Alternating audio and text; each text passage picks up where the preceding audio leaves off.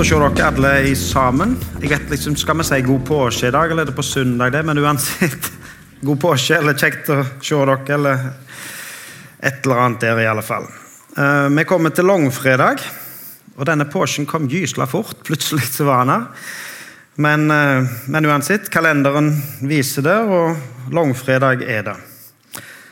Uh, og så er det jo så at i Norge så er det ikke, det er ikke denne dagen eller Det er ikke påske som på en måte vi forbinder med den største høytiden. Men hvis vi tenker på verdensbasis, så tror jeg nok gjerne påske er, den høytiden i verden som samles flest kristne. Mer enn jul, gjerne, sånn som vi tenker at det sikkert er. Eh, og Derfor så har jeg lyst til at helt til å begynne med eh, ikke helt til å begynne med møtet, men helt før jeg begynner å tale, så skal vi gjøre det som jeg våger ikke å si alle kristne i dag, men de aller, aller fleste kristne i dag som samles til møter, de sier i dag trosbekjennelsen eh, i lag som, som, hele skal du si, eh, den kristne kirka eh, bekjenner som, som trosbekjennelsen. Og Vi skal si den i lag, vi òg. Og det er jo klart Vi skal alltid tenke på hva vi sier, det er ikke det. men bare se Les, se i og, og, tenk over når du sier trosbekjennelsen i dag, hvor mye påskje det er i, i trosbekjennelsen. Men vær så god, reis dere opp, og så skal vi si trosbekjennelsen i lag. Jeg tror på Gud Fader, den allmektige, himmelens og jordens skaper. Jeg tror på Jesus Kristus, Guds enbårne Sønn, vår Herre, som ble unnfanget ved Den hellige ånd født av jomfru Maria, pint under Pontius Pilatus, korsfestet, død og begravet, for ned til dødsriket, sto opp fra de døde tredje dag, for opp til himmelen, sitter ved Guds, den allmektige Faders høyre hånd, skal derfra komme igjen for å dømme levende og døde. Jeg tror på Den hellige ånd, en hellig allmenn kirke, de hellige samfunn, syndenes forlatelse, legemets oppstandelse og det evige liv. Amen. Vær så god, sitt. Ja, Er det i dag vi skal si god påske, eller er det på søndag? Nå skal ikke jeg, nå skal ikke jeg foregripe begivenhetene, sånn sett, men, men, det er jo klart det at eh, oppstandelsen den skal vi snakke om på søndag. Eh, men heldigvis er det ingen hemmelighet. Det er ingenting som er det er ingenting som jeg går og lurer på om man tror hva som skjer på søndag. For det som skjedde på søndag, det som skjedde på første påskedag, eh, det, det kjenner vi til, og det er en realitet. Og Derfor så ser vi dagen i dag i lys av at graven den er tom.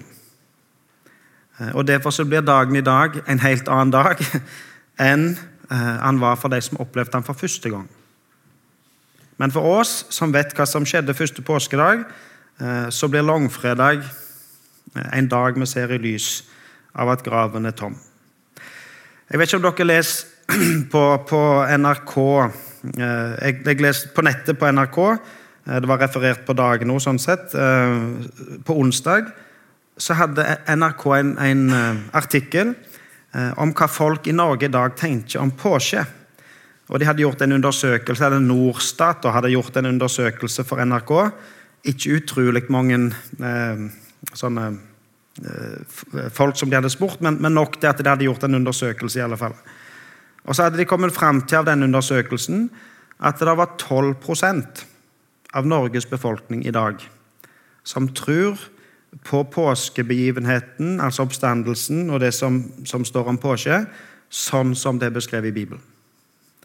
12% av Norges befolkning tror at det som står i Bibelen om påske, om oppstandelsen, det skjedde sånn som det er beskrevet eh, i Bibelen. Skulle nesten sagt heldigvis. NRK var nok overraska over at det var så mange fremdeles i 2023 eh, som, trodde, som tror på at det faktisk det skjedde fysisk sånn som det er beskrevet eh, i Bibelen. Samtidig så kan vi si dessverre bare 12 som tror på disse nyhetene, disse Hva skal du si? Um, dette budskapet, frelsesbudskapet, sannheten om det som skjedde med Jesus frelseren vår.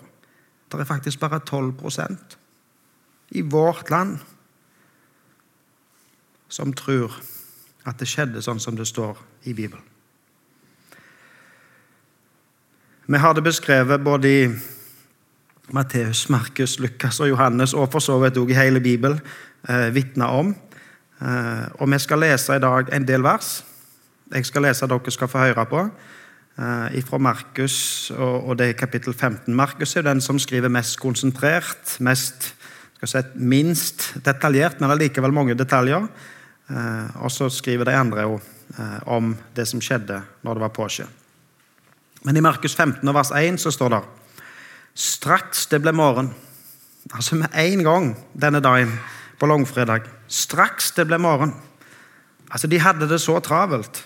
Det var så viktig for dem å få gjort det de skulle gjøre på denne dagen, at det står 'straks det ble morgen'. Og det står det i andre plass nå at med en gang det lysna, så snart de fikk kjangs Det var på en måte som om de sto på, de sto på troppet til de som skulle på jobb den dagen, og, og, og liksom 'Nå må vi få gjort det vi skal gjøre i dag'.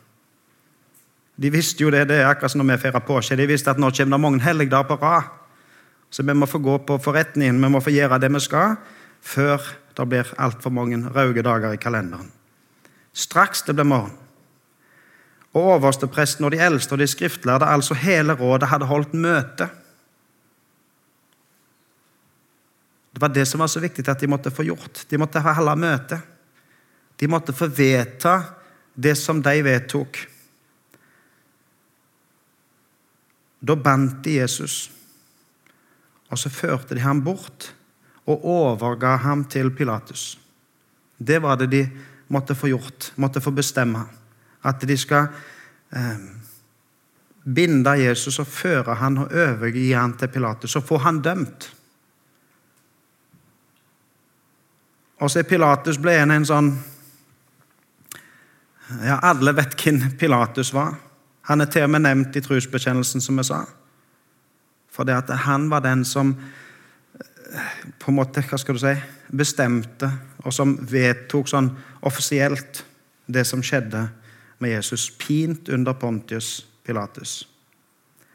Og Så kom Jesus til Pilatus, og så står det i vers 2 Pilatus spurte han, 'Er du jødenes konge?'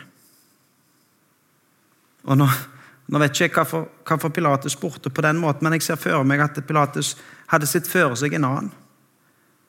Og så kommer det en stillferdig, ydmyk, ikke noe brautende, ikke noe altså, liksom, Er det du? Er du jødenes er er det du de er så redd for? Er det, er det så du ser ut? Og så svarer Jesus, 'Du sier det'. Øversteprestene kom nå med anklager mot ham, og Pilates spurte ham igjen, 'Svarer du ingenting?' Du hører alt det de anklager deg for, men Jesus svarte ikke ett ord. Og Pilatus undret seg. Jødenes konge, han som de var så redde for, han svarte ikke et ord, og Pilatus undra seg. Og Så skjer det litt mer, og så hopper vi til vers 12, og så står det Pilatus tok på ny til orde. Hva vil dere da jeg skal gjøre med han som dere kaller jødenes konge? Og så roper de, korsfest ham! Korsfest ham! Jødene hadde ikke for skikk eller tradisjon eller hva skal du si, De, de, de brukte ikke korsfestelse som, som henrettelsesmetode, men, men, romerne gjorde det. Og, og det var egentlig den skal du si, det var den strengeste dom, den verste dom du kunne tenke deg. Det var faktisk så eh, brutalt at romerne gjorde det ikke mot sine egne eh, borgere. Hvis du var romersk borger, så kunne du ikke bli korsfesta. Og for jødene så var det egentlig eh, å gå for langt, for å si det sånn. Men nå, når det handler om Jesus, da ropte de 'korsfest han'. Pilatus spurte, 'Hva ondt har han da gjort?' Men de skrek bare enda høyere, 'Korsfest ham!' Pilatus ville gjerne gjøre mengden tilfreds. Det var Pilatus. Og han ga den Barabbas fri, men lot Jesus bli pisket og overgav ham til å bli korsfestet. Så Pilatus lot Jesus bli piska og, bestemte, vedtok, at nå skulle han bli korsfesta. Soldatene førte nå Jesus inn i borggården og kalte sammen hele vaktstyrken. De kledde ham i en purpurkappe og flettet en tornekrone og satte den på hodet hans. Kongen, liksom. Nå skulle de håne han. Kledde han i ei kappe og lagde ei tornekrone og tenkte nå skal han der kongen få være konge. Så begynte de å hilse ham og sa, 'Vær hilset, du jødenes konge'. De slo ham i hodet med en stokk, spyttet på ham og la seg på kne og hyllet ham. Da de hadde hånt ham, tok de purpurkappen av ham og kledde ham i hans egne klær. Så førte de Jesus ut for å korsfeste ham. Og de tvang en mann som gikk forbi, til å bære korset hans. Og, og, og Markus kunne jo, stå, kunne jo stoppet og ikke sagt mer enn det. Men så sier faktisk Markus videre han sier, det var Simon. altså Han heter Simon, han som bar korset. Og han var fra Kyrene, en plass i Nord-Afrika, så det var jo en mann som egentlig ikke hørte til der. Det var Simon fra Kyrene, og i tillegg så sier han far til Alexander og Rufus. Han var på vei inn fra markene. Det er jo som om Markus sier at eh, hvis dere har lyst til å sjekke om dette er sant, hvis dere vil finne ut, så, så var det faktisk han Simon fra Kyrene. Nå, nå var det nok noen som leste dette mens de kunne huske han Simon fra Kyrene. ikke sant? Nå er det mange år siden, så vi kan jo ikke på samme måte gjøre det. Men han sier jo til og med at det var far til Alexander og Rufus. Du kan jo høre med deg, til og med, hva som er sannheten i dette. De førte Jesus ut til et sted som heter Golgata, som betyr hodeskallen.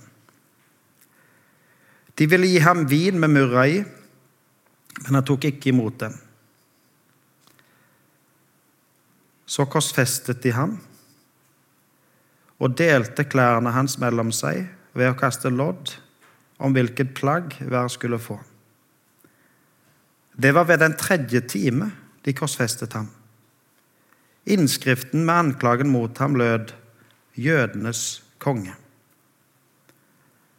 Sammen med ham korsfestet de to røvere, en på høyre og en på venstre side av ham. Og alt dette, helt fram til det som vi har lest nå, det hadde de fått gjort før klokka ble ni. Den tredje time. De begynte klokka seks. Og så var det den første time klokka sju, den andre time klokka åtte og den tredje time klokka ni. Og ifra den tredje time, altså ifra, vers, ifra, fra klokka ni, så kommer de uutholdelige timene for Jesus på korset. Ifra den tredje timen og til den niende timen. Da kjempa Jesus altså fram til nå. Så hadde det vært svik og hån og spott og rop imot han. Men nå fra den tredje timen og til den niende timen så henger Jesus på korset. Helt alene. Og kjempe kampen for din frelse. Helt fram til nå så har Jesus hatt fellesskap med sin far. Han har vært ett med sin far. Og selv når han ble svikta av sine nærmeste si, venner på denne jord, så var han likevel i et tett fellesskap med sin far, med Gud i himmelen. Men ikke nå. Nå kjemper Jesus sin tyngste kamp. Altså folkemassen og, og jødene og, og romerne, makthaverne, altså sverd og pisk og, og, nagler og kors. Alt det var jo eh, Skal du si grusomt nok.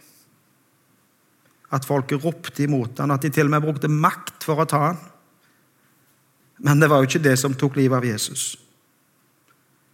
Jesus sa jo faktisk til Pilatus at du hadde ikke hatt makt over meg om ikke det var blitt gitt deg.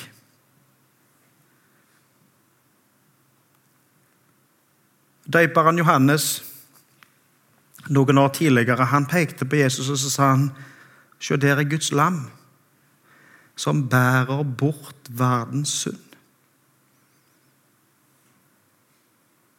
Og det var derfor Jesus hang der på korset. Det var det som tok livet av Jesus. Det var det som skilte Jesus ifra Gud. Det var derfor Jesus måtte kjempe kampen helt alene. For at det der på korset hong det Guds lam som måtte slaktes denne påsken for å bære bort verdens synd. For at verdens synd skulle bli utsletta. Gjeldsbrevet som gikk imot oss, skulle bli sletta ut. Så Derfor så var timene fra den tredje timen til den niende timen Det var de mørkeste, tyngste timene i Jesus sitt liv. Og til og med fra den sjette timen og til den niende timen så ble det jo faktisk bokstavelig talt helt mørkt. Midt på lyseste dagen ble det beksvart ute. Og så var det så at eh, når sabbaten kom, når helligdagen kom, når de rauge dagene kom, da ville ikke jødene, altså De som faktisk hadde hatt det så travelt med å få Jesus av veien og få henrette han og få han, få han vekk, de fant nå ut at nei, når de røde dagene kommer, når høgtiden vår kommer, så kan vi ikke ha de der tre hengende der. De som ble korsfesta. De ville ikke ha kropper hengende um, og, og, og pinast på korset de dagene. Og Derfor så fikk de ordna det så at de skulle gå bort og knekke føttene på de som hang på korset. For når føttene når de knakk føttene, så, så ville ikke føttene kunne bære dem, og så, og så gikk det fortere. Og så knekte de føttene på disse som hang på hans høyre og hans venstre side. Og når de kom til Jesus, så var han allerede død. Han hadde dødd før de andre. Han som liksom hadde all makt. Han som var, han burde holde ut lengst. Men hvorfor døde han før de andre? Han var jo blitt mishandla og alt til det. Vi kan jo tenke det, men, men egentlig så var det fordi at Jesus han bestemte sjøl. Jesus han avgjorde det sjøl. Det var ingen som tok hans liv. Han gav det frivillig for deg. Og I Bibelen så står det han oppgav sin ånd. Han bestemte sjøl tidspunktet. Og når klokka ble akkurat tre, akkurat den niende timen, når påskelammet ble slakta, så døde Jesus. Han oppgav sin ånd. Han gav sitt liv for deg. Og da roper Jesus, min Gud, min Gud, hvorfor har du forlatt meg? Da når Jesus er i sin djupeste kamp, så er han helt alene. Og så oppgir han sin ånd, og så blir han en soning for dine synder. Han i sin ensomhet Altså, han ble forlatt. Sånn at du aldri i evighet skal bli forlatt. Han opplevde en, den ultimate ensomhet for at du aldri i evighet skal bli ensom. Ensomhet er liksom Hva skal du si? Eh, Det skrives en del om ensomhet i dag. Det er fokus på ensomhet. Og vi skulle jo tro at når vi er kommet til 2023, liksom i moderne Norge, så har vi, har vi fått bukt med sånne problemer. Men ensomhet er muligens en av de største Nei, det var, nei det, ensomhet er iallfall et problem eh, i vår moderne verden. Og så har jeg lest litt på nettet av, om, om, dette. Der er eh, en, en, en kjent psykolog som skriver eh, en artikkel om ensomhet. Og så skriver han at ensomhet er en form for savn etter nærhet og tilhørighet. Denne sosiale smerten er utviklet gjennom evolusjon for å motivere oss til å søke meningsfulle fellesskap eller relasjoner, slik at vi overlever, har det bra, utvikler oss for barn og kan trygt oppdra dem.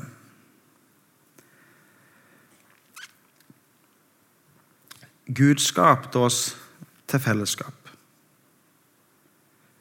Gud har skapt oss til å leve i lag. her innser psykologen at vi, vi, vi, må ha fellesskap, og det sier psykologen at det har evolusjonen ordna med, sånn at vi kan overleve. Men Gud lagde deg med en intensjon. altså Gud visste hva han skapte når han skapte. Og han skapte mennesker med, med, med, eh, til å leve i fellesskap. Til å leve i fellesskap med hverandre og til å leve i fellesskap med Gud. Og så beskriver denne psykologen hva som er det som han kaller for eksistensiell ensomhet. Um, og Så begynner han å beskrive sånn at alle mennesker er helt unike. Det er bare du som har ditt DNA og dine opplevelser og relasjoner. Det er ingen som kan vite hvordan det er å være deg, samtidig som du aldri kan vite hvordan det er å være andre. Jeg vet ikke om dere ser hvor han skal hen. Det hender jo det at vi eh, hvis du lager en film for eksempel, om, om langfredag, og, eh, altså sånn som Passion of the, Passion of the Christ, eh, av Jesus sine lidelser og sånn, så får filmen, så får filmen 15 eller 18 års aldersgrense. eller kan få, For det, det er så, det er så eh, eh Det må ha aldersgrenser for det, det, det er sånne scener som, som ikke er beregna for altså du, du må være en viss alder for å for at det skal være greit å kunne se på. Eh, det som denne psykologen beskriver videre her nå Jeg tror jeg faktisk ikke jeg skal lese, for det er liksom sånn at han, han beskriver hvordan det er å være menneske, for det er bare du som er deg. Det er bare Du som har ditt. Du kan ikke vite noen ting om noen andre. Du er unik, og du er ikke sant? Og så beskriver han hvordan det da er å være kun deg. Og så kaller han det for eksistensiell ensomhet på grunn av at du er helt unik. Det er ingen andre. Så er det bare du som ikke sant? Og så blir du helt alene i denne verden. Og det er klart, Da blir det et psykologisk problem å leve og kun være deg. Når det er ingen andre som kan forstå deg, og du kan ikke forstå andre, eller noen ting, da blir det fryktelig vanskelig. Og Det som han beskriver videre her, det er jo det at i det ytterste, i sin ytterste konsekvens, så må du møte noen ting i ditt liv som det kun er du som kan møte. Helt alene. Ingen andre. Og så sier han til, Når han har oppsummert dette, så sier han Vissheten om alt dette, det er det som er eksistensiell ensomhet og angst. Det er det som gjør at det er så vanskelig. Og Så reflekterer han videre i artikkelen sin, og så sier han For å håndtere den eksistensielle ensomheten kan vi søke meningsfulle trosfellesskap i vid forstand. Altså Han snakker ikke om, om sånn som vi tenker på som trosfellesskap, men han, han, tenker, altså han, han beskriver til og med i vid forstand. Og Så sier han videre slike fellesskap har historisk sett ofte vært basert på en tro på at en skaper er med oss hele tiden. Den ultimate motgiften mot ensomhet. En skaper som også gir alle ting mening, mål og opphører døden. Det er det som har vært sånn. Det, det har de tenkt før, sier han. Historisk sett så har det vært sånn. Uavhengig av om dette er sant eller ikke, har det samtidig en angstregulerende funksjon. Jeg er ikke alene i et meningsløst, forgjengelig liv. Men for ikke-religiøse er tro og håp like viktig. Men da tro i sin vide forstand. Jeg må tro at det er mulig å forstå og bli forstått gjennom språket. Jeg må tro at andre mennesker har bevissthet. Jeg må tro at det går an å virkelig møte og bli møtt av en annen person, og slik motvirke den eksistensielle ensomheten. Og så spør han seg sjøl kan det hende at vi mister det eksistensielle språket, rommet og møteplassen når vi i større grad blir et sekularisert samfunn. At et barn som kastes ut med badevannet, er rommet og fokuset som Kirken og menigheten før har gitt. Språket, rommet og fokuset på døden, ansvaret og samholdet. Altså Han kommer til den erkjennelsen at han sier Kanskje vi har, kanskje vi har kasta ut noe som, som, egentlig er viktig for oss. Kan hende vi har, vi har kommet så langt at vi har kommet forbi noe som vi egentlig trenger. Og så må han på en måte nesten litt sånn krampaktig ta det tilbake og så sier han, vi må tro likevel. Og så skriver han egentlig Ordet 'tro' skriver han i hermetegn. For han sier vi må tro at det er mulig å bli forstått. For eksempel. Er tro for han. For det forsvant noe når vi kom lenger enn uh, kristendommen.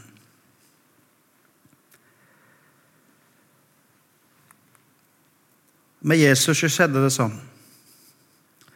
Da den sjette time kom, falt det et mørke over hele landet helt til den niende time. Og ved den niende time ropte Jesus med høy røst, Eloi, Eloi, lema sabachthani. Det betyr, min Gud, min Gud, hvorfor har du forlatt meg? Noen av dem som sto der, hørte det og sa, hør, han roper på Elia. Da løp en bort og fulgte en svamp med vineddik, satte den på en stang og ville gi ham å drikke. Han sa, Vent, la oss se om Elia kommer for å ta ham ned. Men Jesus ropte høyt og utåndet. Jesus gav sjøl sitt liv. Han bestemte da at nå gir han sitt liv ved den niende time.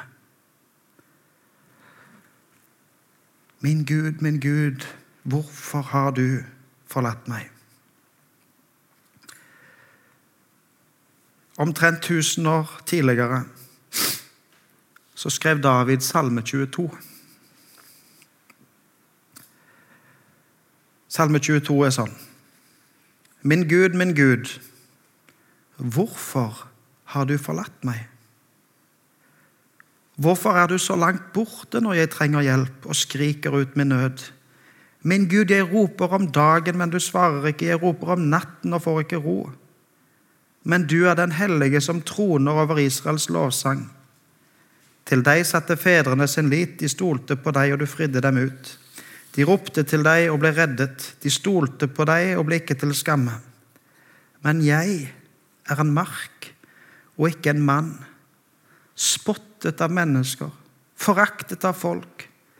Alle som ser meg, håner meg, vrenger leppene og rister på hodet. Han har overgitt seg til Herren, la ham fri ham, la ham, fri ham ut og redde ham, siden han har glede i ham. Du dro meg fram fra mors liv, du gjorde meg trygg ved hennes bryst. Fra jeg ble født er jeg kastet på deg, fra mors liv er du min Gud. Vær ikke langt fra meg, for nøden er nær, og det er ingen som hjelper. Store okser samler seg om meg, stuter fra basen flokker seg rundt meg. De sperrer opp gapet mot meg lik en løve som brøler og river i stykker. Jeg renner bort som vann og alle mine bein er løsnet. Hjertet som vokste, smelter i meg. Munnen er, munnen er tørr som et potteskår, og tungen er klistret til ganen. Du legger meg ned i dødens støv. Hunder samler seg om meg, en flokk av voldsmenn omringer meg. De gjennombårer mine hender og føtter. Hvert bein i kroppen kan jeg telle. De stirrer, de ser på meg. De deler klærne mine mellom seg og kaster lodd om kappen. Men du, Herre, vær ikke langt borte. Min styrke, skynd deg og hjelp meg. Redd mitt liv fra sverdet, det eneste jeg har, fra hunders vold. Fri meg fra løvens gap. Helt utrolig. Tusen år før det egentlig skjedde, så beskriver han Jesus på korset så detaljert.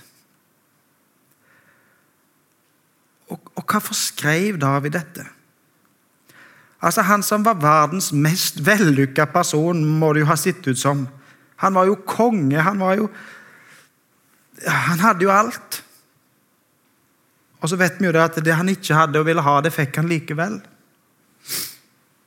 Han må ha vært den som kunne gjøre akkurat hva han ville, og fikk det som han ville. Men sånn som han skriver her Sånn hadde David det på innsida.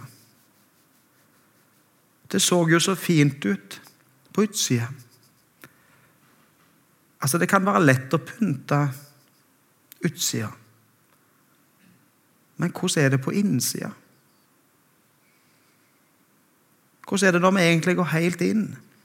Inn der inne, som ingen andre ser.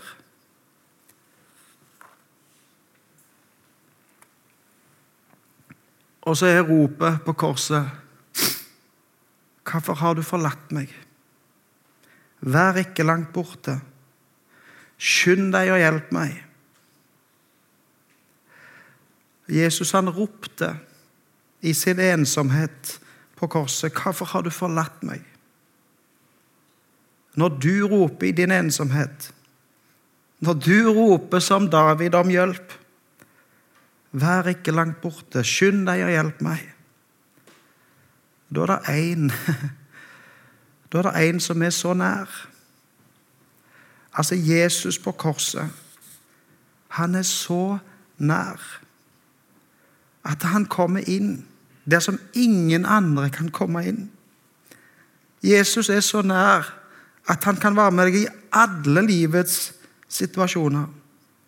Jesus er så nær at når du møter det som, det som du tenker at dette må jeg møte alene, så er du ikke alene. For Jesus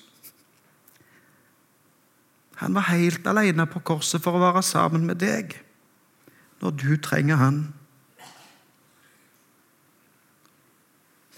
Og den dagen som er den siste her på jord, er han så nær at du skal få være med han i en evighet. For alltid sammen med han. Alltid sammen med han.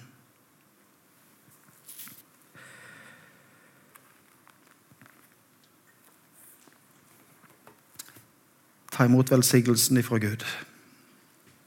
Herren velsigne deg og bevare deg. Herren la sitt ansikt lyse over deg og være deg nådige. Herren løfter sitt åsyn på deg og gi deg fred. Amen.